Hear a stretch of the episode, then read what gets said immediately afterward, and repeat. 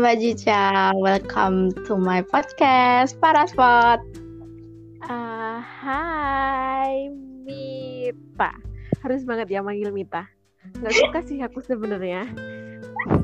Up to you Mbak, enaknya aja sih. Kita kan udah udah apa ya? Udah pakai hati lah manggilnya jadi enak aja.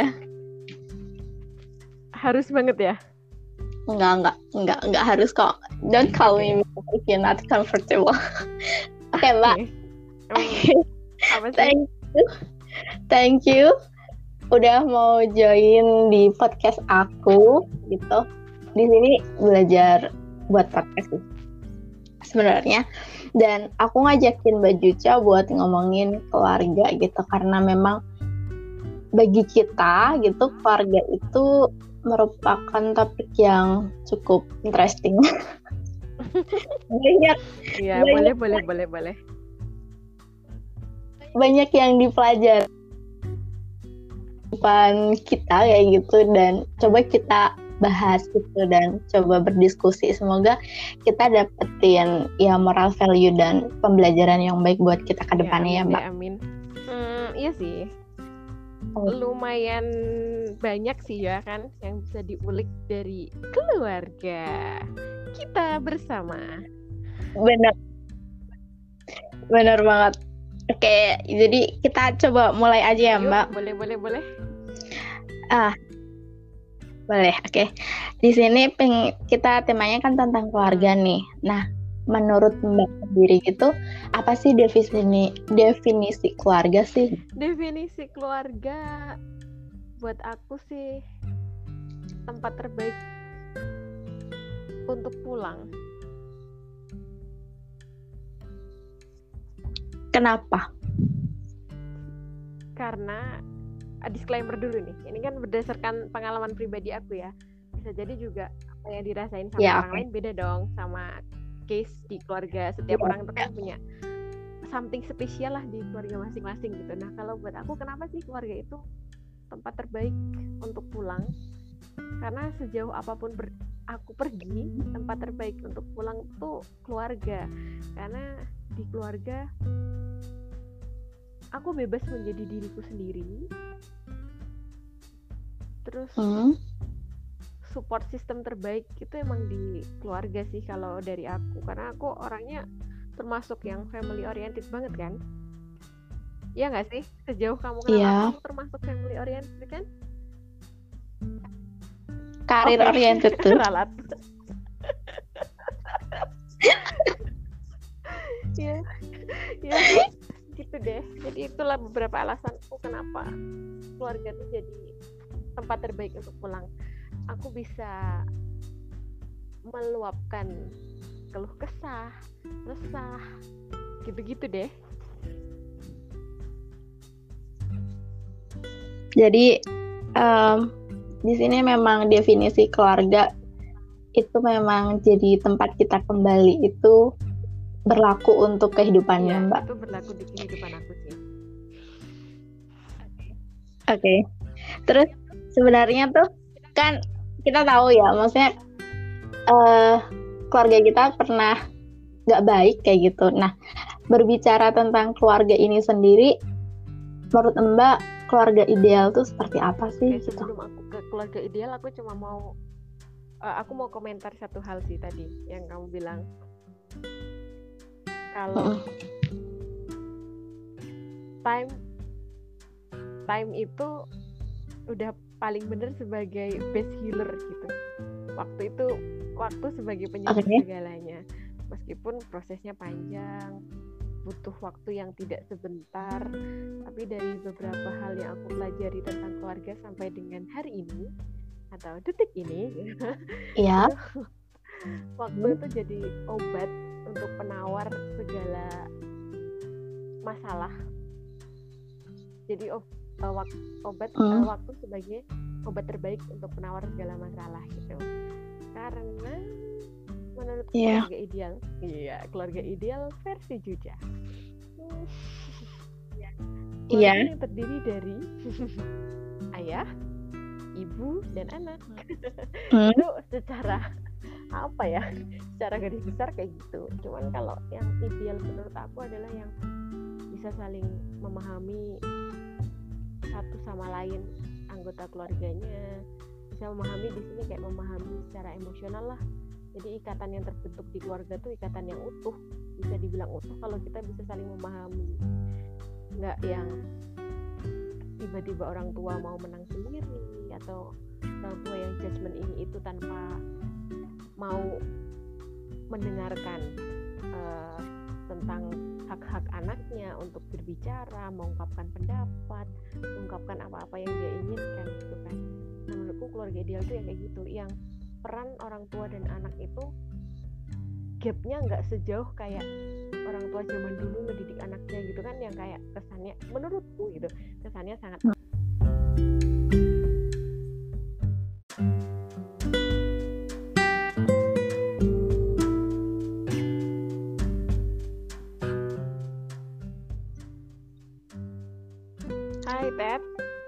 Halo Mbak, maaf keputus tadi.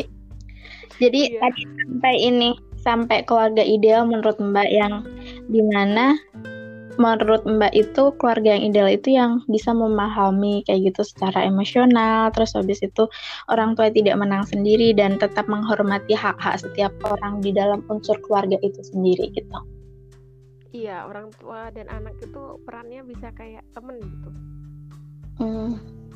Jadi chill aja dalam keluarganya kan. Kalau kalau perannya mereka tuh jadi kayak temen kan. Kadang kan ada nih orang tua keluh kesah ya kan? Nggak nyampe ke anak tapi mengeluapkan keluh kesahnya ke teman mereka gitu. Atau anak juga gitu lebih nyaman mengeluarkan unek-unek dan keluh kesahnya ke teman dia gitu. Berarti kan di situ makna kata temen itu kan berarti banget kan? Karena bisa iya. mengeluarkan hal-hal yang menurut mereka penting hal-hal yang itu urgent banget tapi nggak bisa terungkap gitu. Nah sedangkan kalau peran orang tua dan anak itu bisa jadi temen jadi kan semua masalah-masalah yang seharusnya ada di dalam rumah tuh nggak harus sampai keluar kan? Iya benar banget sih mbak. Aku setuju tentang hal itu gitu. Jika sejak kecil ditanamkan bahwa sebenarnya orang tua itu adalah teman gitu mereka mungkin akan sulit buat keluar atau mempercayai orang lain di luar unsur keluarga gitu sendiri. Aku ya. setuju dengan mbak. Ya, Terus itu, nih, itu makanya itu bayangan keluarga ideal versi versi aku tuh kayak gitu gitu. Ya nggak sih? Iya sih. setuju, setuju. Terus nih, uh, tadi kan bicara tentang unsur emosionalnya kayak gitu. Nah, secara unsur fisik, apakah keberadaan orang tua atau anak di dalam sebuah kata keluarga itu penting banget gitu. Iya dong, kalau menurut aku lagi-lagi disclaimer ya kan karena iya ini kan versi versi kita sendiri yang ngalamin gitu. Kalau menurut oh. aku penting banget figur itu harus ada ketika momen-momen tertentu atau momen-momen penting untuk menjaga kata saling tadi kan. Jadi menurutku harus iya. ada dong. Misal anak nih lagi acara kelulusan. Kehadiran kedua orang tuanya di momen di mana dia mencapai suatu titik tertentu kayak wah ini loh aku nih berhasil loh di level ini gitu. Menurutku peran kehadiran secara fisik tuh udah base support system banget lah gitu. Atau sama ketika orang tua kayak gini orang tua kita lagi dapat satu achievement tertentu gitu kan. Terus anak-anaknya yeah. dengan bangganya datang dong ke acara itu.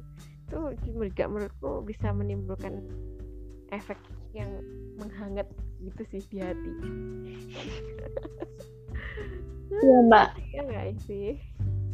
Kalau secara umum kayak gitu secara emosional secara secara apa keberadaan fisik kayak gitu memang sepertinya unsur-unsur tersebut itu adalah unsur yang ideal kayak gitu. Tapi sometimes buat beberapa orang yang tadi Mbak bilang bahwa saat kelulusan ternyata momen keberadaan orang tua kita atau anak-anak kita itu tuh sangat berarti gitu.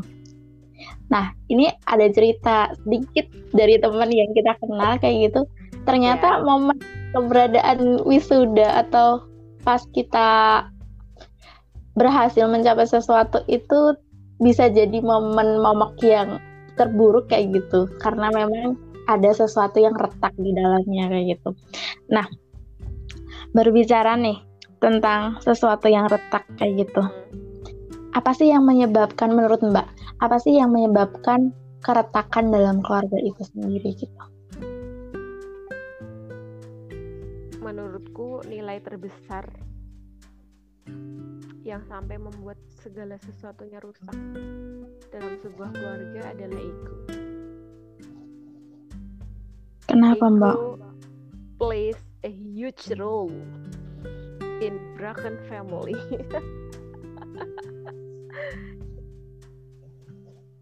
Karena ego itu, menurutku, cakupan dari ego itu luas. Ada prestis, harga diri, ya kan? Iya. Opini. Nah, tiga poin itu aja nih. Kalau kita pecah jadi poin-poin yang lebih kecil, misalnya tadi harga diri, nggak mungkin. Aku aku percaya bahwa nggak ada, nggak akan mungkin ada keluarga sempurna dalam kehidupan. Pasti seutuh apa pun sebuah keluarga pernah merasakan salah satu masalah terberatnya masing-masing. Tergantung uh, peran atau masing-masing dari anggota keluarga itu menyikapinya kayak gimana gitu. Nah kalau misalnya nih dalam satu kasus ada keluarga ya kan?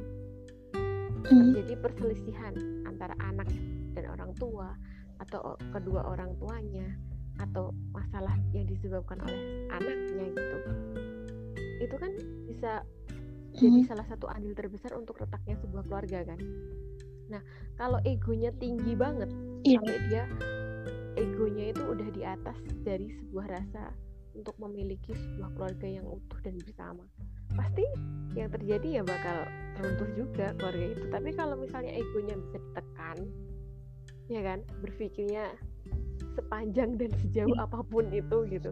Pasti perpisahan gak akan jadi jalan jalan pintas sih. Cuman kita nggak bisa memaksakan sejauh mana perasaan uh, seseorang dalam keluarga tersebut ya. Karena kita nggak bisa ngukur dong uh, kesedihan atau hal lain yang yang ada dalam keluarga itu. Karena kalau aku mau bahas soal ego yang tadi tuh kan ada juga loh. Orang yang memang pilihan terbaik untuk hidupnya adalah mengakhiri kehidupan berkeluarganya. Kita nggak pernah tahu seburuk apa pun toksik yang terjadi dalam keluarga itu sih soalnya. Cuman itu kan secara general gitu yang menyebabkan clash dalam sebuah keluarga itu menurutku ego.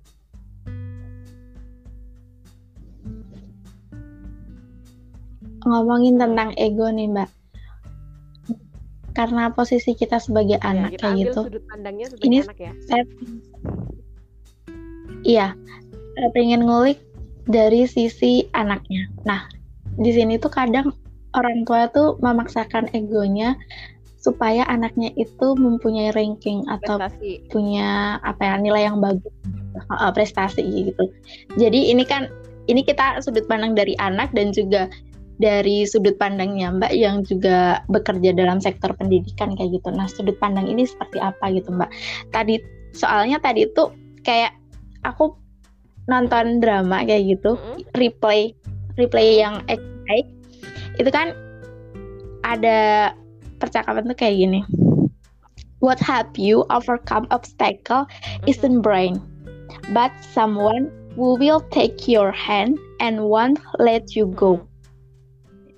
Jadi kan di sini bahwa sesuatu yang bisa uh, membantu kamu menangani suatu halangan rintangan ataupun ujian dalam hidup ini itu bukan otak kayak gitu. Tapi adalah bagaimana orang tua ataupun society kita, support system kita itu uh, tetap memegang tangan kita dan tidak membiarkan kita pergi dalam sesulit keadaan apa pun kayak gitu. Nah, tapi pada saat sometimes I think mayoritas orang kayak gitu orang tua mengukur anaknya itu dari prestasi. Menurut Mbak itu gimana? Oke, aku ambil sudut pandangku sebagai orang yang memang berkecimpung di dunia pendidikan aja ya. Karena kan ini secara general. Hmm. Aku mau bahas yang pertama hmm. adalah Asian parents, ya kan? Orang tua dari kalangan yes. Asia pada umumnya. Aku pernah membaca sebuah hmm. artikel memang yang mendalami tentang penelitian ini. Jadi kalau tipe-tipe Asian parents itu memang mereka lebih cenderung kecenderungannya sangat tinggi untuk melihat kemampuan anak itu dari sisi akademik side jadi cuman dilihat dari kecerdasan akademiknya aja padahal ada satu teori tentang pendidikan aku lupa nama uh, pencetus teori ini dia mengatakan bahwa pendidikan itu terbagi menjadi 9 bidang ada akademik, ada arts atau seni ya kan. Ada dia kecerdasan emosional, ada dia uh, kecerdasan aduh aku lupa yang lainnya. Uh, apa sih kayak kecerdasan untuk bergaul dalam masyarakat gitu. Nah, terus pokoknya kecerdasan itu dibagi ke dalam 9 bidang. Yang masing-masing bidang itu kalau ditelisik lebih jauh itu merupakan bekal awal basic banget yang bisa membentuk karakter seseorang. Menjadi orang yang bertumbuh, menjadi orang yang berkembang dalam kehidupannya kelak nanti ketika dia sudah besar di dalam society yang besar kayak gitu. Sebenarnya yang menurutku ya dari segi orang yang berada di lingkungan pendidikan, kalau untuk orang-orang tua semasa kita, berarti kan orang-orang tua yang seumuran orang tua kita dulu mereka itu butuh mendapatkan edukasi yang lebih tentang kecerdasan-kecerdasan tersebut. Karena yang mereka tahu aku sih yakin ya yang mereka tahu dari apa yang mereka pelajari dari latar belakang pendidikan yang mereka peroleh bahwa kecerdasan seorang itu hanya diukur dari sebuah nilai di atas kertas atau nilai-nilai akademik lainnya gitu. Nah untuk kita nih yang akan jadi new parents kan untuk besok generasi-generasi selanjutnya. Menurutku di era kita mm. harusnya uh, edukasi tentang jenis-jenis kecerdasan tadi itu udah udah bukan hal yang harus diedukasi ulang ke seluruh uh, major society. Karena seumuran kita kan udah digital native nih. Udah paham nih info-info kayak gitu tuh kayaknya udah udah menyebar secara tidak sadar aja ke kita. Kalau oh ya ya besok aku nggak mau dong mengukur kecerdasan anakku hanya dari kecerdasan akademik aja gitu. Aku akan lebih membebaskan dia dong untuk memilih kira-kira yang sesuai dengan minat bakatnya yang mana ya gitu. Karena aku ngerasain banget loh sebagai oh. anak yang tumbuh dari lingkungan orang tua zaman dulu gitu kan memang yang harus ditekankan ketika yeah. di rumah ketika umur-umur masih sekolah gitu pasti orang tua tuh supportnya kayak gitu udah belajar yang bener belajar yang pinter biar nilainya bagus biar dapat juara terus. Ya afirmasi afirmasi kayak gitu yang sering didengar. Bukan bukan afirmasi yang dah kamu mau mendalami bidang yang mana nih? gitu. Enggak kan? Suara kita jarang terdengar kan gitu sih. Iya. Uh, jadi di sini poinnya tadi itu adalah bekal bekal karakter anak nih.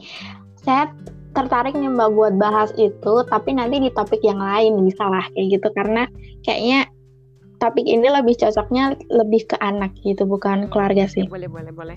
Nah tentang Nah, lanjut lagi. Berbicara tadi nyebutin tentang new parents kayak gitu dan sebelumnya juga menyebutkan tentang ego. Sebenarnya ada nggak sih usia ideal buat nikah kayak gitu atau sama uh,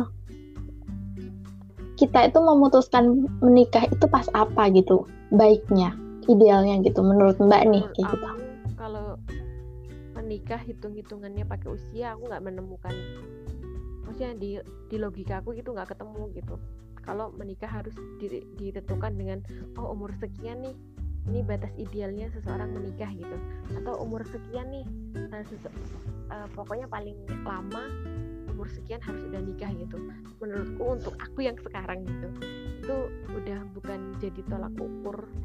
Misalnya umur 25 perempuan harus udah nikah atau umur 30 laki-laki udah harus nikah gitu kan.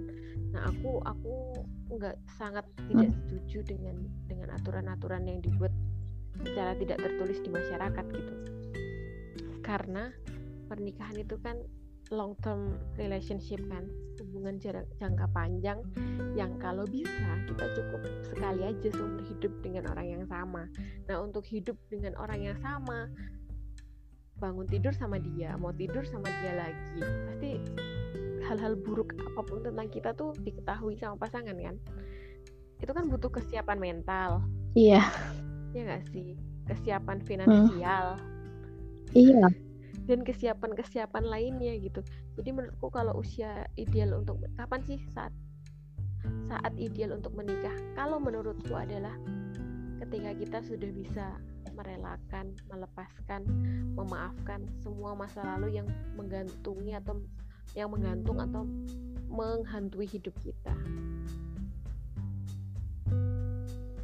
Satu siap secara finansial. Dua secara siap secara mental. Nah, mental di sini yang aku mau tekanin yaitu yang kita udah bisa merelakan, melepaskan, memaafkan segala kesakitan-kesakitan yang pernah kita rasain di momen-momen hidup kita yang sebelumnya. Apalagi kalau itu hubungannya sama mm. keluarga, ya kan? Contoh nih, kayak anak broken home. Yeah. Terus dia merasa mm. bahwa masih ada nih tanggung tanggungan atau beban yang harus dia pikul tentang masa lalunya yang belum dia bisa maafkan gitu kalau bisa sih dia harus menyelesaikan permasalahan itu dulu sampai dia benar-benar memaafkan semuanya lalu dia bisa membangun hubungan dengan orang lain dalam sebuah pernikahan. Karena artinya kan dia udah nggak punya hutang kan? Dia udah nggak punya hutang nih tentang masa lalunya. Dan dia udah siap nih menyambut masa depannya dengan orang mm-hmm. lain. Gitu. gitu. Kak Mita Aduh, terima kasih Mbak. Kayak gitu. Tadi kan di, ditinjau dari segi mental. Tadi Mbak nyebutin dua aspek kayak gitu. Kalau dari segi finansial nih, kita realistis aja. Deh kalau dari segi finansial kayak gimana? Iya harus yang finansial finansial stable gitu. Karena aku nggak bisa ngasih nominal karena setiap kebutuhan orang kan beda-beda cuman paling nggak paling nggak kita kitanya nih sebagai perempuan atau pasangan kita gitu. Udah sama-sama punya pekerjaan yang settle yang memang kita mempunyai income gitu. Maksudnya nggak yang masih bingung nih aduh aku mau kerja di mana ya? Aduh bulan depan mau makan apa nih? Gitu. Nggak uh, ya harus logis juga kan. Kita kita mikirnya harus real dong nggak mungkin dong ah foya-foya nih nikahan resepsian gitu. Wah rame-rame seneng-seneng happy happy have fun udah gitu bingung deh ah, bulan depan mau makan apa ya? Kan gak lucu. Ya ya bener sih. Ya, bilang kalau pernikahan apalagi di Islam ya menurutku kan banyak nih uh, yang beredar bahwa pernikahan tuh membuka pintu rezeki gitu. Nah, tapi kalau kitanya nggak berusaha untuk iya. menarik rezekinya ya gimana kan? Iya sih, iya, ada modalnya gitulah. Paling nggak nggak bingung lah sebulan ke depan kita mau makan apa. Jadi tadi aku rangkum dikit kalau menurut diskusi kita sekarang itu bahwa dari persepsi Mbak tuh orang memutuskan menikah itu bukan ditinjau dari umur kayak gitu. Tapi lebih penting lagi dari dua aspek yaitu mental dan finansial di mana dari segi mental kita tuh harus selesai sama diri kita sendiri sebelum kita memutuskan untuk berkeluarga. Terus kalau dari segi finansial tidaknya kita harus punya modal finansial yang stab, stabil untuk membangun keluarga kita nantinya gitu. Nah, lanjut lagi nih Mbak. Ya, tadi kan Mbak menyinggung tentang broken home kayak gitu. Sebenarnya kalau ditinjau dari broken home, karena aku sendiri juga mengalami kayak gitu. terus ada suatu sebuah insecurity bahwa nanti kalau anak broken home itu tuh ada kemungkinan buat broken home lagi itu ada gitu ke depannya itu gimana sih mbak kayak gitu buat mengatasinya gitu ini termasuk insecurity in oh, okay. family kayak gitu as a broken home kid ya kan aku juga dong aku bangga loh menyebut itu sekarang Iya, aku bangga. Mbak, iya, aku boleh. cerita dikit ya, Mbak. Aku pernah beberapa kali nyinggung bahwa mayoritas teman aku pas kuliah itu nggak tahu kalau aku broken home kayak gitu. Tapi setelah aku kerja, aku kenal Mbak yang apa ya menyebutkan bahwa keluarga Mbak broken home dengan curhat sama aku lupa itu siapa mampu siapa gitu kan. Aku jadi kaget gitu kan. Mbak aja nggak notice kalau aku tuh kayak broken home gitu kan. Tapi mbak enak banget cerita tentang itu. Terus aku ngerasa it's okay to tell them about our life kayak gitu. Jadi nggak apa-apa kayaknya kalau ngomongin tentang broken home gitu.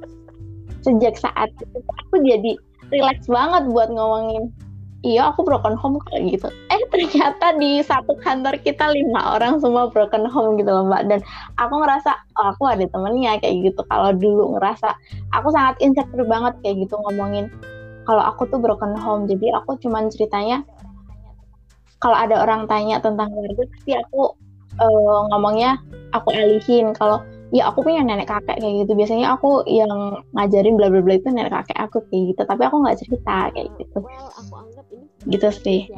terus ternyata ini kayak takdir gitu ditemuin sama mbak gitu dan mbak bangga ngomongin itu sekarang aku juga lebih rileks buat ngomong. Ya, aku itu sebagai apresiasi sih. Well thank you later aku bangga menyebut diri sebagai anak dari sebuah keluarga yang broken home sejak aku masuk di dunia perkuliahan. Hmm. Dan sebagai anak dari keluarga broken home, tentu dong, tentu aja saya punya insecurity tentang gimana ya kalau aku satu hari nikah, terus ternyata pernikahanku kayak kedua orang tuaku gitu. Pikiran aku pasti sejauh itu, bahkan sampai hmm. perencanaan pernikahan ini. Iya. Aku masih mikir dong ke arah sana. Iya. Aku masih mikir dong ke arah sana tentang insecurity cuman ada satu hmm. kalimat ajaib yang aku pegang baik-baik hingga hari ini boleh dong di share takdir belum tentu sama dengan takdirku. Ya simpel itu aja. Simpel itu aja kan. Rezeki orang tuaku tidak sama dengan rezekiku. Berarti takdir hidup orang tua mm -hmm. belum tentu sama dengan takdir uh, takdir yang aku jalani gitu. jadi kayak ya tebak-tebak buah manggis aja sih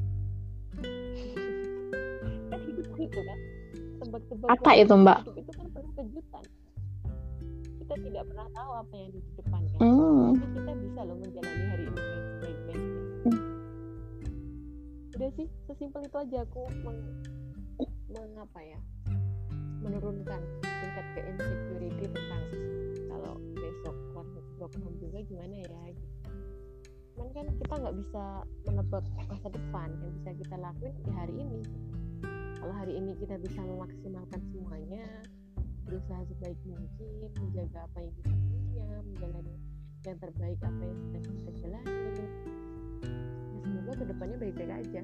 Kayak misalnya gini kita nggak tahu nih rezeki kita ke depan kayak gimana. Ya nggak sih? Kita nggak tahu nih kita jadi crazy rich yeah. atau crazy rich Jogja atau crazy rich Jambi. Kan kita nggak pernah tahu. Tapi yang kita tahu hari ini nih aku bekerja keras. Aku bekerja. Maksudnya aku nggak nganggur nih gitu. Atau hari ini aku tetap melakukan mm. satu hal atau tindakan yang pasti akan ada uh, pendapatan yang masuk income yang masuk. Meskipun nilainya mungkin saat ini segitu. Tapi kan will never know what happen tomorrow gitu. Mm. yang kita lakukan hari ini adalah yang terbaik. Kita melakukan pekerjaan kita dengan amat sangat baik. Rewardnya ya tergantung Allah aja kapan ngasihnya.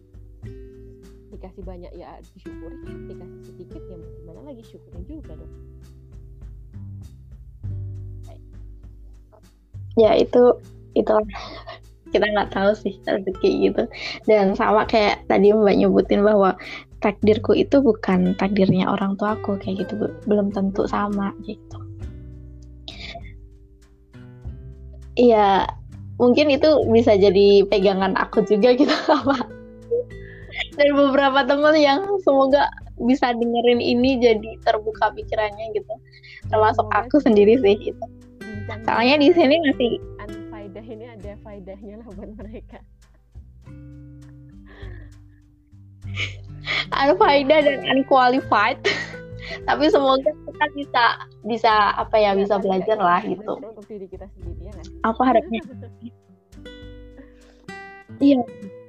Soalnya dengan diskusi gitu kita jadi Hmm, lebih open minded kan mbak. Diadu. Mm-mm. terus em, Hmm. lanjut lagi. Ini tadi kan ngomongin habis ngomongin tentang insecurity because of broken home lanjut lagi tentang masih di, di dalam keluarga mbak itu tapi bukan karena broken home. Contohnya karena ada apa ya opini mbak yang nggak diterima terus jadi jadi insecure. Sorry gimana gimana? Sorry gimana gimana? Kita lanjut lagi tentang ngomongin insecure di dalam keluarga kayak gitu. Mbak ngerasa nggak sih? Mm-mm. Insecure karena orang tua atau karena apa gitu di dalam keluarga mbak gitu sehingga menyebabkan suatu bisa jadi trauma gitu soalnya mungkin aku tanya ini karena penting bagi aku karena aku ngerasa masih ada trauma kayak gitu dalam diri aku sehingga aku butuh apa ya motivasi gitulah. Atau enggak kata-kata mutiara yang tadi mbak bilang gitu. Masih dong masih aku insecure dengan kelakuan ayah. Aku nggak bisa bahas di sini lebih detail tapi intinya ada salah satu hal yang membuat aku insecure dengan kelakuan ayah.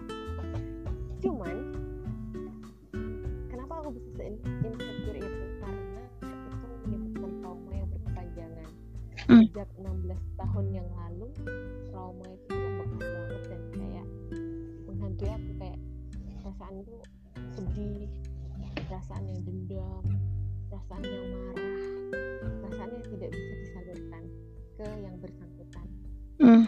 sampai suatu hari suatu momen aku semakin membenci keberadaan ayahku I mean kayak gini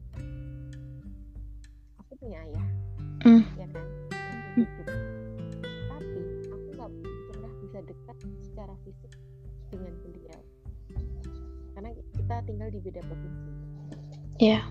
dan nggak pernah ada kesempatan untuk bisa bareng atau nikmatin quality quality time bareng ada momen-momen tertentu yang hal se- sebenarnya ini hal-hal sederhana dan biasa untuk orang-orang yang menjalani keluarga utuh contoh Hmm. sebagai anak perempuan yang diantar ke sekolah oleh ayahnya atau diantar daftar kuliah oleh ayahnya atau hal-hal lebih sederhana kayak lagi seorang anak perempuan yang lagi ngopi bareng sama ayahnya bisa cerita apa aja tentang kehidupannya seorang ayah yang nemenin anak perempuannya belanja jalan-jalan.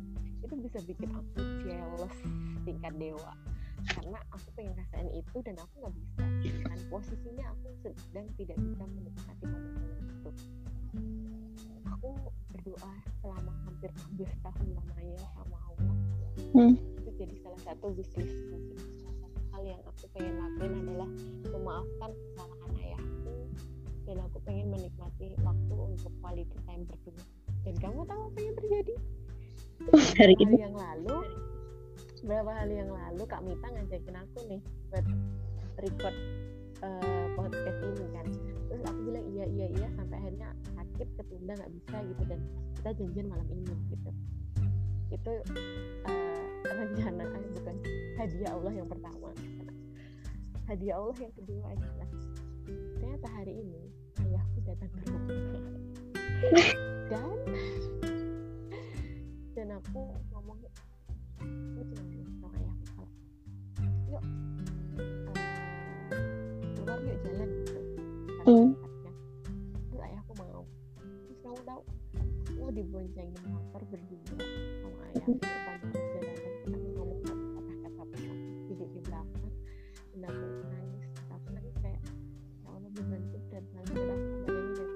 Hmm. melakukan buruk apa yang pernah aku terima dan hal apa yang bikin aku trauma selama ini gitu dan Hmm. aku nangis karena aku merasa kayak hidup seenggak adil ini di saat aku pengen ngerasain momen ini tapi di saat itu aku nggak bisa menikmatinya kan ada rasa benci kecewa semuanya di situ kan jadi satu sumpah ruah jadi aku nangis tadi di belakang diem diem gitu Hmm. itu di satu momen kita nongkrong bareng ngopi bareng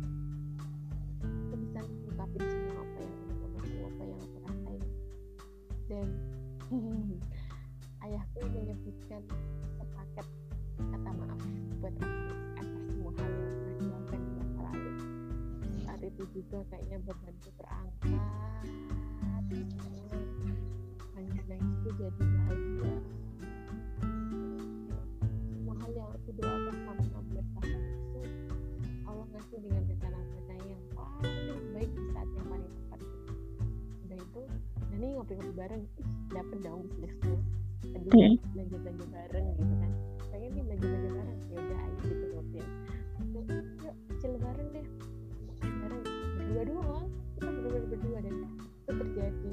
Quality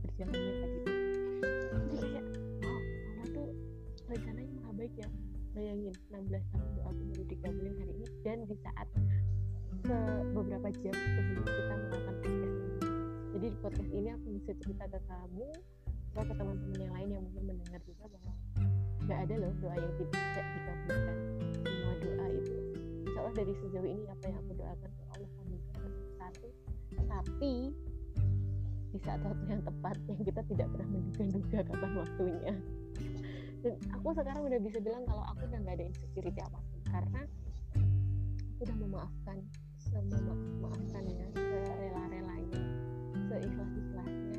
Bebanku kecewaku sakit hatiku semua terangkat semua hari ini. Thank God. Eh, Wow, today I'm happy to hear that.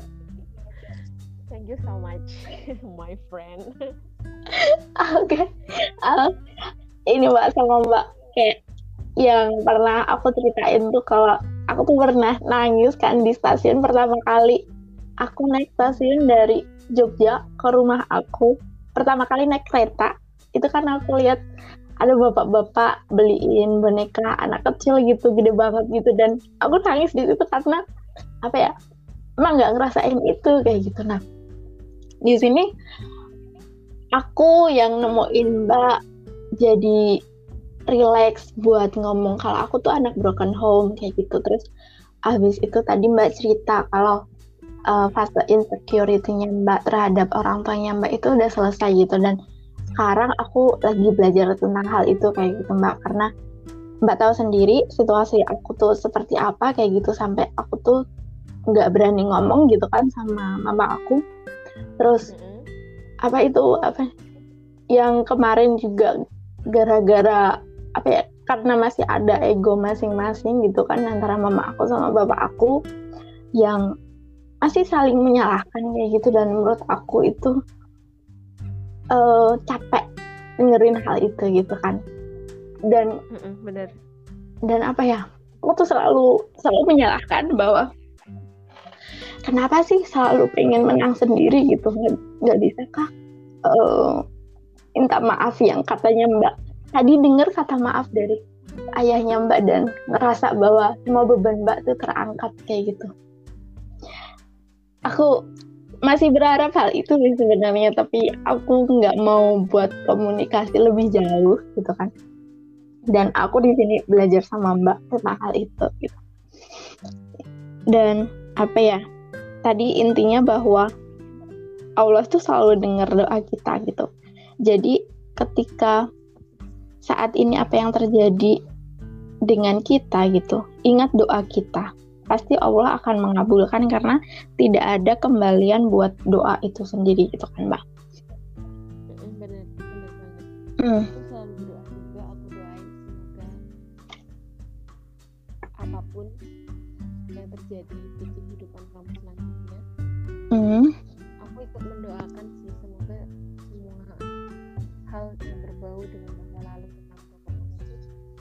Juga segera berakhir ya Ted karena aku ngerasain banget betapa leganya betapa ringannya hidup tanpa rasa kecewa hidup tanpa rasa marah?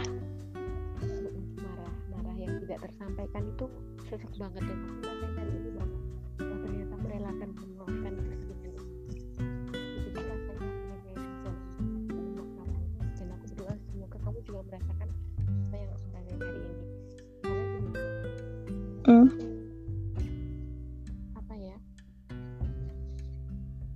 Prosesnya tuh nggak sebentar.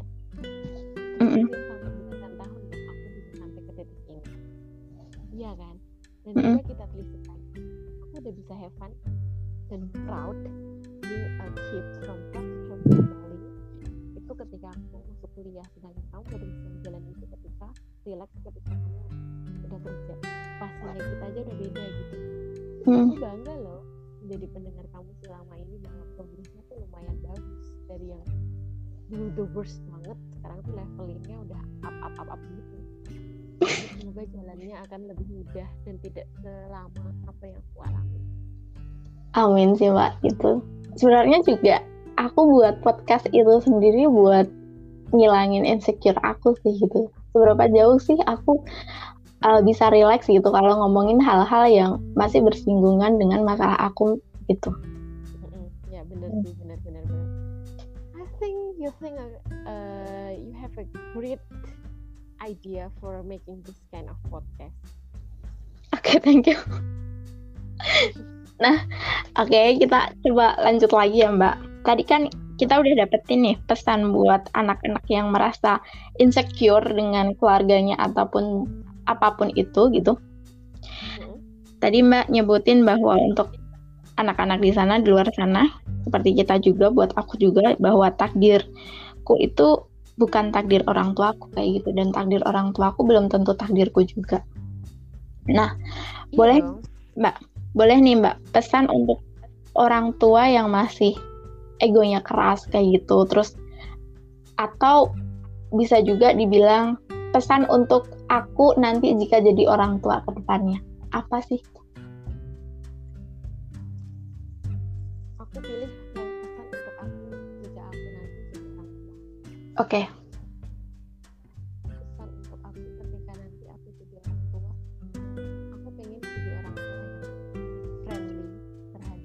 keputusan-keputusan yang diambil oleh anakku. Menjadi orang tua yang asik yang bisa menjadi teman. Untuk anak-anakku bercerita tentang apa pun tanpa takut tanpa mereka harus takut merasa terhakimi. Menjadi orang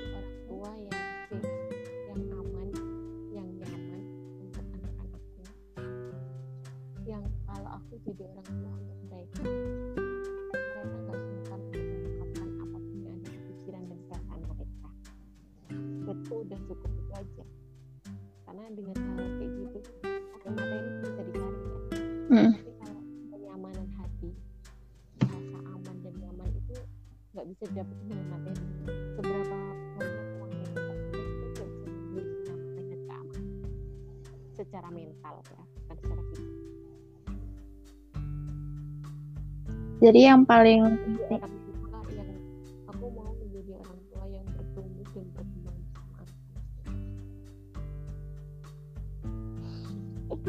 Wow bijak sekali Cica. belajar sih mbak dari sekarang gitu. Ternyata didik anak itu juga susah gitu. Didik sepupu aja atau keponakan aja tuh udah aduh capek kayak gini kayak gitu. Nanti apalagi kalau didik anak kayak iya benar penting tadi aku lingkungan yang mempengaruhi. Kadang kita udah planningnya planningnya B gitu kan sama kita untuk mendidik anak. Tapi ternyata ada loh inner circle kita yang lain yang menginterupsi cara kita mengasuh anak kita. Misalnya hmm. nenek kakeknya ya kan? Apalagi yang tinggal bersama. Nah, pasti challenge-nya lebih lebih dua kali lebih berat kan karena harus menyesuaikan menyesuaikan dengan orang-orang terdekat kita yang hidupnya seperti hmm. ya jadi memang setiap keluarga mempunyai challenge-nya masing-masing, punya kebahagiaannya masing-masing juga kayak gitu. Dan yang terpenting untuk Juca yang akan datang kayak gitu jika dia nanti jadi orang tua, jadilah orang tua yang friendly, asik dan buat nyaman hati anak-anaknya kayak gitu. Dan anaknya nggak sungkan buat ngobrol seperti teman ke Juca nanti pas udah jadi orang tua. Iya dong kebuca oke okay, mbak. Uh, bagus banget. Uh, motivasinya gitu untuk dan pesannya untuk kita semua ke depannya. Dan thank you aku lagi belajar juga sih sebenarnya. Belajar sama kamu hari ini. Iyalah mbak kita sama-sama belajar di sini gitu kan. Um, apa ya? Semoga nanti apa hal-hal detail yang Mbak perhatikan untuk membangun keluarga itu sendiri dapat terwujud gitu Mbak. Dan apa sih uh, semua hal yang ada di keluarga nantinya harus kita hadapi dan Amin. Semoga kita lulus untuk menghadapinya gitu. Nah, lanjut lagi nih. Lanjut lagi. Iya, boleh. Karena apa ya, menyongsong untuk membangun keluarga itu sendiri dan pengalaman-pengalaman yang udah Mbak lalui selama ini. Apa aja sih Mbak yang harus diperhatikan gitu saat membuat membangun keluarga sendiri gitu menurut Mbak?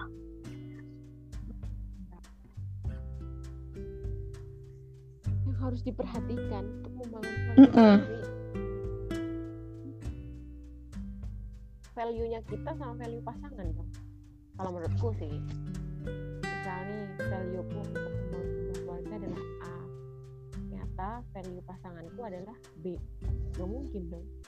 Ya bisa aja sih jadi mungkin kan ada hal-hal prinsipil yang memang kita harus senada harus searahan kalau misalnya masalah ah kan kalau pasangan tuh harusnya beda biar saling melengkapi ya bedanya apa dulu Ferguso misal aku sukanya bakso doi sukanya sate nggak apa-apa sate atau beli sate makan tempat bakso hmm. ya kan? Berdua bisa kayak gitu. Tapi kalau hal yang misalnya prinsipil contoh maunya tinggal sendiri. Dia maunya tinggal sendiri mm. fix tuh udah value penting. Nggak bisa diganggu nggak bisa ditawar. Ya nggak ketemu lah jalan mm. pasti akan masuk salah kan? Kecuali misalnya gini aku pengennya tinggal sendiri misalnya dia bilang dengan orang tuaku loh kenapa? Alasannya apa? Kita jelasin alasan kenapa kita pengen punya rumah sendiri itu dia menjelaskan uh, alasan ini juga bisa memakai misal orang tua sakit-sakitan udah nggak ada lagi anak yang bisa merawat orang tuanya kecuali dia gitu. nah mungkin itu bisa jadi kayak semacam negosiasi kan di tengah-tengah. Kayak si cewek nih mikir kayak oh ya udahlah nggak apa juga kan jalan sambil merawat orang tuanya gitu. kayak gitu kan bisa nih jadi opsi dua hmm. arah gitu. tapi kalau emang dari awal dia udah pengen tinggal sendiri dan satunya pengen tinggal sama orang tuanya tanpa mau tahu alasan masing-masing nggak bisa jadi satu hmm. berarti iya iya itu kan udah prinsipal banget kan hal-hal yang kayak gitu yang udah nggak susah untuk hmm. ditawar hmm. kayak contohnya gini hmm, contohnya gini deh yang paling sering deh yang paling sering di keluarga jauh. Maaf ya nak. Kalian nggak bisa nikah. Wetonnya nggak sama. Itu kan prinsipal. Saya Jawa cintaku cintaku terhadap oke. Iya. Iya gak sih? Itu udah nggak bisa dirembuk kan masa iya kamu mau masuk ke perut ibu lagi buat lahir di wetonnya yang bisa cocok sama si doi? Kan nggak mungkin. Hmm. Berarti pas sebelum kita memutuskan menikahi seseorang itu kita harus tahu prinsipnya kayak gitu dan kita tahu cara komunikasinya juga gitu ya mbak ya agar kita bisa saling memahami dan menurunkan ego itu sendiri gitu. Iya menyamakan value karena kayak gini contoh lagi ya yang mm. prinsipal si cewek nih pengen jadi mm. wanita karir si cowok pengennya dia pengen punya istri yang seorang ibu rumah tangga yang baik ketika dia pulang kerja istrinya sudah duduk manis di rumah menyambut dia dengan pelukan hangat terus air hangat untuk mandi makanan sudah siap semuanya. Itu kan mm. itu kan? Seorang wanita karir harus hidup atau menyerahkan prinsipnya menyerahkan hidupnya untuk laki-laki yang dia harus maksudnya ini bukan dalam kerelaan ya tapi keterpaksaan dia menjadi seorang ibu rumah tangga pasti ada dong konflik batin yang terjadi di dia sendiri dan itu kan gak sehat. Kalau mentalnya aja udah gak sehat pasti berimbas dong komunikasinya terhadap pasangan yang lain. Nggak bisa gitu. Jadi menurutku harus make sure dulu nih value kita value pasangan sama apa enggak. Bisa nggak nih kita dapat suami yang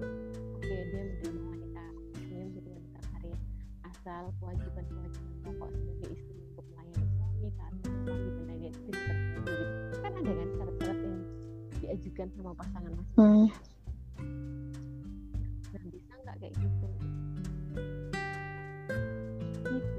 Hmm. Oke. Okay. uh, eh, boleh nggak mbak? Ini aku tanya tapi agak privasi. Uh, nah. Sebenarnya kan aku masih merasa ada ketak saat memutuskan untuk menikahi seseorang gitu karena dari back aku masih ada rasa ketakutan gitu untuk menikahi seseorang karena ditinjau dari mungkin dari sisi keluarga aku kayak gitu latar belakang aku yang you know that is so complicated. And mm-hmm.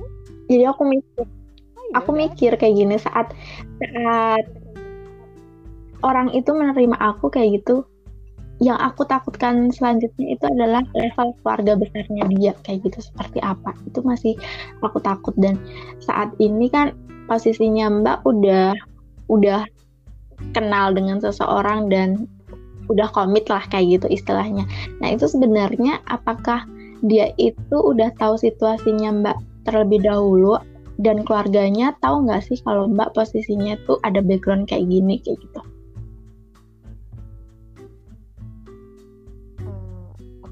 Jawab hmm. satu-satu ya. Jadi yang pertama nih tadi kan nanya aku ada nggak ketakutan menikah? Aku jawab lagi sampai dengan tadi pagi pukul 12 teng aku masih takut untuk menikah. Meskipun perencanaan pernikahan sudah semakin dekat tapi tadi jam 12 siang aku masih takut untuk hmm. menikah. Terus life changing after a few hours gitu kan habis ketemu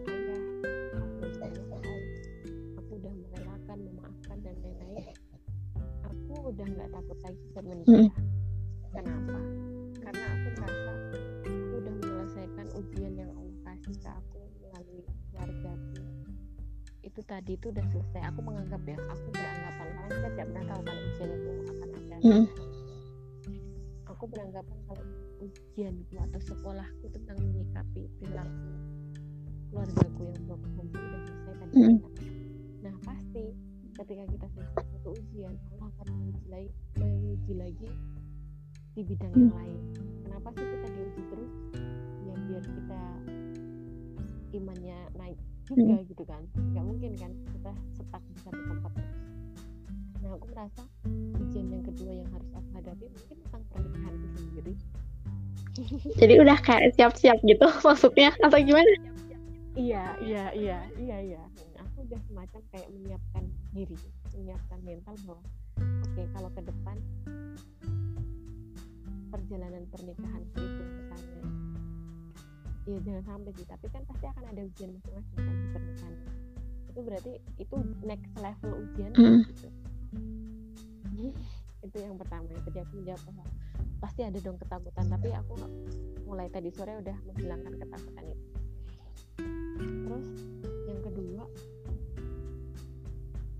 dengan ketika aku dekat dengan si mas Mm. Ini gitu, dari awal ketika dia udah menyatakan komitmennya keseriusannya aku udah membuka tentang karena gini pas dia udah bilang berani untuk bertemu orang tua ngobrolin semuanya Hmm.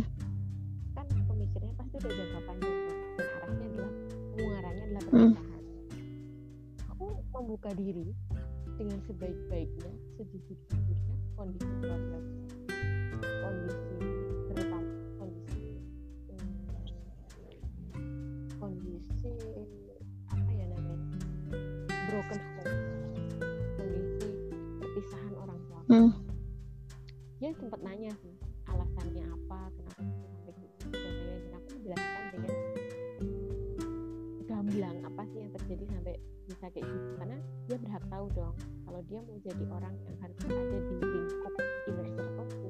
Dia berhak tahu tentang masa laluku. Aku juga bilang sama dia kalau dia bisa menerima itu ya syukur. Hmm. kan?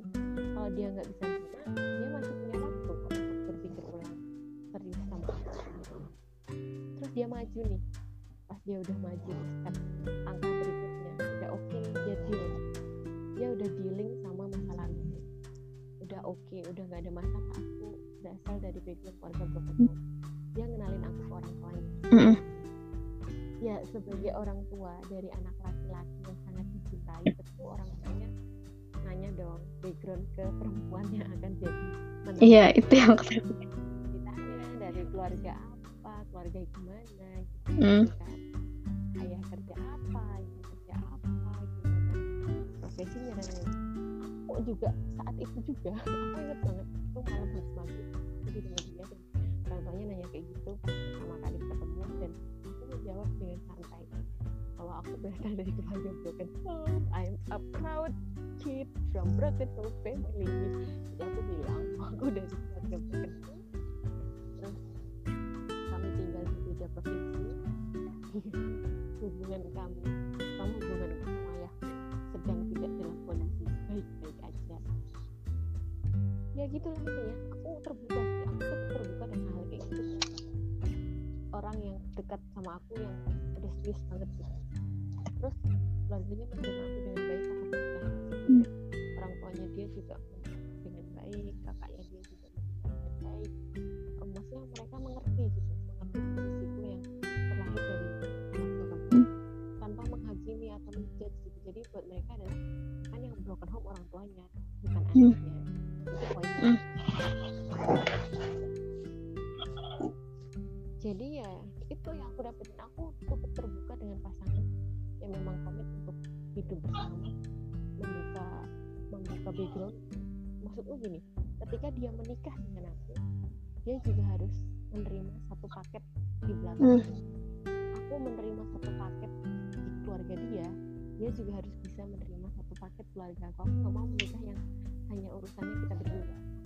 menikah yang memang direstui dua keluarga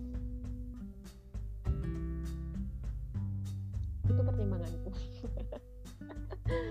kalau absurd sih ya ya orang orang kan mikirnya Mm. beda ya itu sih itu pertimbangan aku sih Hmm.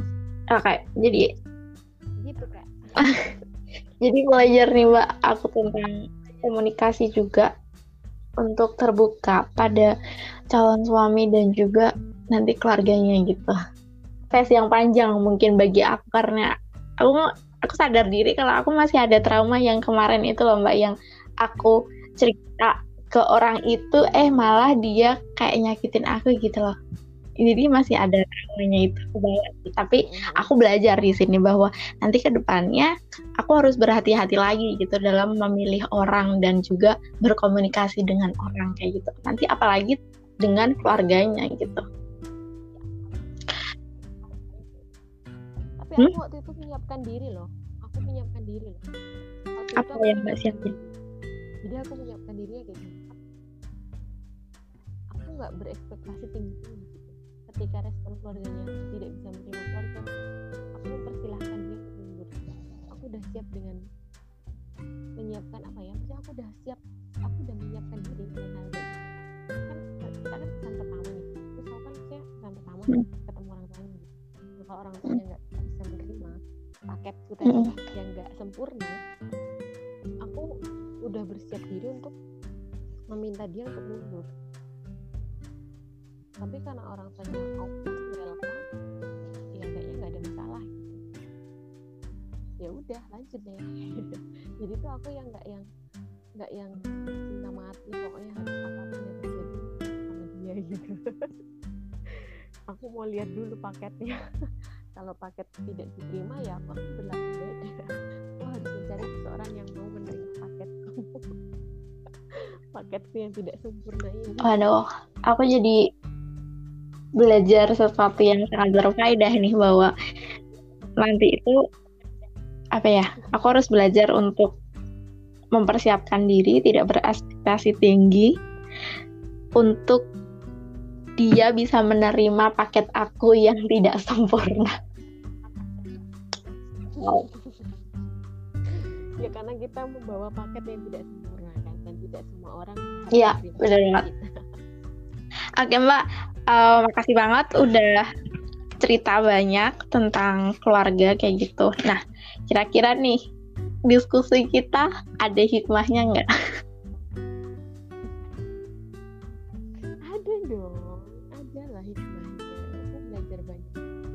Eh, aku eh, gimana? aku belajar banyak juga dari kamu. Dari maksudnya dari percakapan ini dari diskusi yang malam ini aja tuh aku belajar banyak. Aku merefleksi diriku sendiri. Sama nggak apa yang aku omongin dengan apa yang aku pikirin? Sama nggak dengan apa yang aku omongin dan apa yang, yang aku lakuin? Kan ini Hmm. jadi refleksi juga kan kamu tuh tadi nanyanya detail banget. Maksudnya nanyanya udah sampai ke lingkup yang kadang aku juga mikir iya ya salah juga ya. Aku belajar banyak sih. Malam ini aku belajar banget thank you so much for Oke, welcome. Em, aku juga belajar banyak dari Mbak dan semoganya semoga ke depannya aku bisa mengikuti jejaknya Mbak lah kayak gitu untuk memaafkan, menerima dan memulai hal-hal yang baru lagi itu biar nggak berantakan kayak kemarin Mbak. Oke, you will come Oke. time. Oke Mbak, I think it- Kamu akan di aku belajar nih dari waktu yang kemarin itu benar-benar belajar banget. Oke, um, I think our discussion is enough for tonight, and maybe we have to discuss again about children, maybe for the next. And see ya Mbak Jucha. okay I will see you later.